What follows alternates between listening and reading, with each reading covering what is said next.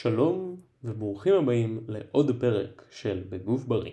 בפרק זה אני אדבר על הדעה הרווחת בקרב האוכלוסייה שממתיקים מלאכותיים גורמים להשמנה ושהם בעצם גרועים יותר מסוכר? מה? בואו נתחיל.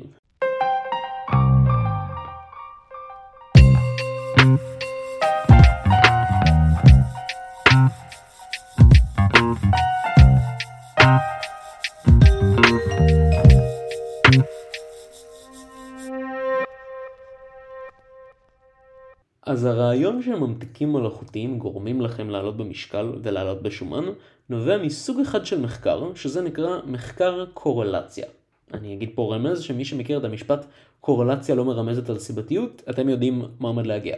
בעצם הם לקחו הרבה אנשים ומדדו כמה ממתיקים מלאכותיים הם צורכים והם מצאו פעם אחר פעם שאנשים שמנים יותר צורכים בממוצע יותר ממתיקים מלאכותיים מאנשים לא שמנים או ממש בכושר ונראים מעולה. ואז אנשים לוקחים את המידע הזה, ובגלל שהם שונאים כבר במילא את הממתיקים המלאכותיים, אה, זה לאוהבי עברית זה נקרא כשל נטורליסטי. יש להם כבר מובנה, מובנה להם כבר בראש הדעה הקדומה הזאת, אז הם לוקחים את מה שהם מצאו במחקרים, ורצים ואומרים הנה תראו אמרתי לכם. וזה נכון, אנשים שמנים באמת צורכים יותר ממתיקים מלאכותיים.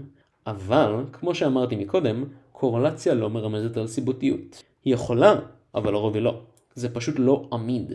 לדוגמה, אתם תשימו לב שרוב האנשים שיש להם רגל שבורה, יש להם גם גבס. אבל, אם נגיד שהגבס זה מה ששובר לאנשים את הרגליים, זאת תהיה מסקנה מאוד מעניינת ומשוגעת. כי אחרי ששוברים את הרגל, שמים את הגבס כדי לשפר את הרגל. בדיוק כמו אנשים שגילו שדרך רגילי אכילה אחרים גרועים וחוסר פעילות גופנית, הם הגיעו לעודף משקל. ואז הם שואלים את עצמם, איך אני יכול לעזור לעצמי? וגילים, והם מגיעים למסקנה של, אהה, אני אוכל ממתקים מלאכותיים. זה יפתור לי את זה, כי אני אשתה כל הזירו במקום כל הרגילה. אז הם מחליפים חלק מהמוצרים שלהם במוצרים דיאטטיים. אבל הם עדיין ממשיכים לאכול עוד אוכל רגיל, ובסופו של דבר שומרים על יתרון קלורי משמעותי לאורך הזמן, ולא יוצרים גירעון קלורי, אז הם פשוט לא יורדים. הם לא יורדים במשקל, הם לא יורדים בשומן.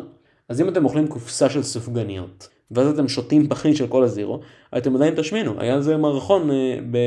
אה, זה משהו וגלי בארץ נהדרת עם החיות המצוירות, אני שכחתי איך זה נקרא. אתם יודעים על מה אני מדבר. אה, זהו.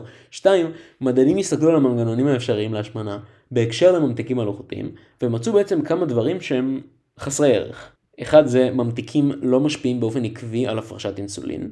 שתיים, רובם לא משפיעים על החיידקי המעיים, כלומר הם משפיעים קצת, ואז חיידקי המעיים פשוט חוזרים לעצמם.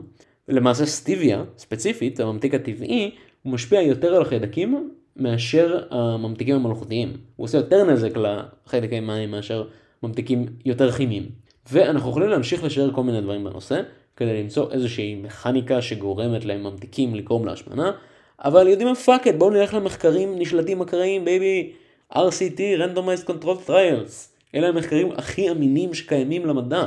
וכל ה-RCTs מראים כמעט בבת אחת להחליף ממתיקים רגילים, כמו סוכר, עם ממתיקים מלאכותיים, גורם לירידה במשקל, חד משמעית. זה RCT, אז אל תשכחו שאנשים לא יודעים אם הם שותים משקה עם סוכר או עם ממתיק, זה למה זה כל כך אפקטיבי. ורוב הזמן, ירידה במשקל, במחקר, היא פשוט אותה ירידת משקל כמו אם לוקחים את המשקה עם הסוכר ופשוט מחליפים אותו במים. כלומר אפס קלוריות. זה שווה ערך ל- להחליף ממתיק אמיתי בממתיק מלאכותי. זה כמו לשתות מים. אז גירעון קלורי הרבה יותר קל לייצר מאשר אם אנחנו אשכרה שותים קלוריות, כמו סוכר. אז כן, אי אפשר להגיד שממתיקים איכשהו גורמים לאנשים להשמין, ולמעשה רוב האנשים זה יכול רק לעזור לרדת במשקל, לרוב האנשים. ואם מישהו אומר אחרת, הוא אומר בולשיט.